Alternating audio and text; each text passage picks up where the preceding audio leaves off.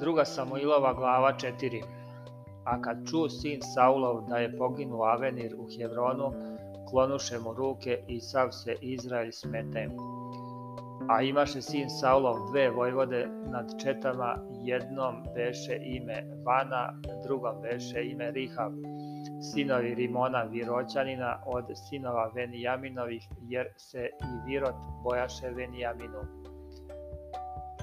A Viroćani behu pobegli u Gitaj, gde ostaše kod došljaci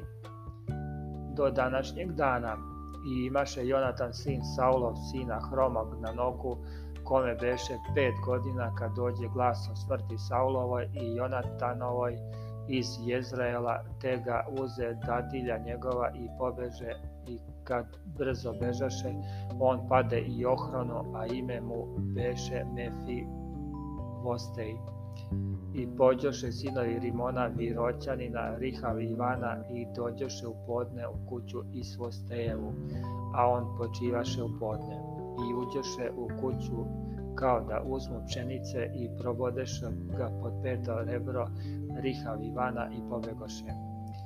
Kad uđoše u kuću, on ležaše na postelji svojoj u kleti gde spavaše,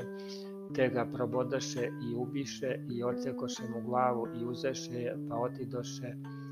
putem preko polja celu onu noć i donesoše glavu Isvostejevu Davidu u Hevron i rekoše caru, evo glave Isvosteja sina Saulovog, neprijatelja tvog, koji je tražio dušu tvoju i gospod osveti danas cara, gospodara mog od Saula i semena njegovog ali David odgovarajući Rihavu Ivanu, bratu njegovom, sinovima Rimona Viroćanina, reče im, tako da je živ gospod koji je izbavio dušu moju iz svake nevolje. Kad onog koji mi javi govoreći, gle, pogibe Saul i mišljaše da će mi javiti dobre glase, uhvatih i ubih u siklagu i to mu bi od mene dar za glase njegove, a kamoli ljude bezbožne koji ubiše čoveka pravog u kući njegovoj, na postelji njegovoj, neću li tražiti krv njegovu iz vaših ruku i vas istrebiti sa zemlje i zapovedi David momcima svojim, te ih pogubiše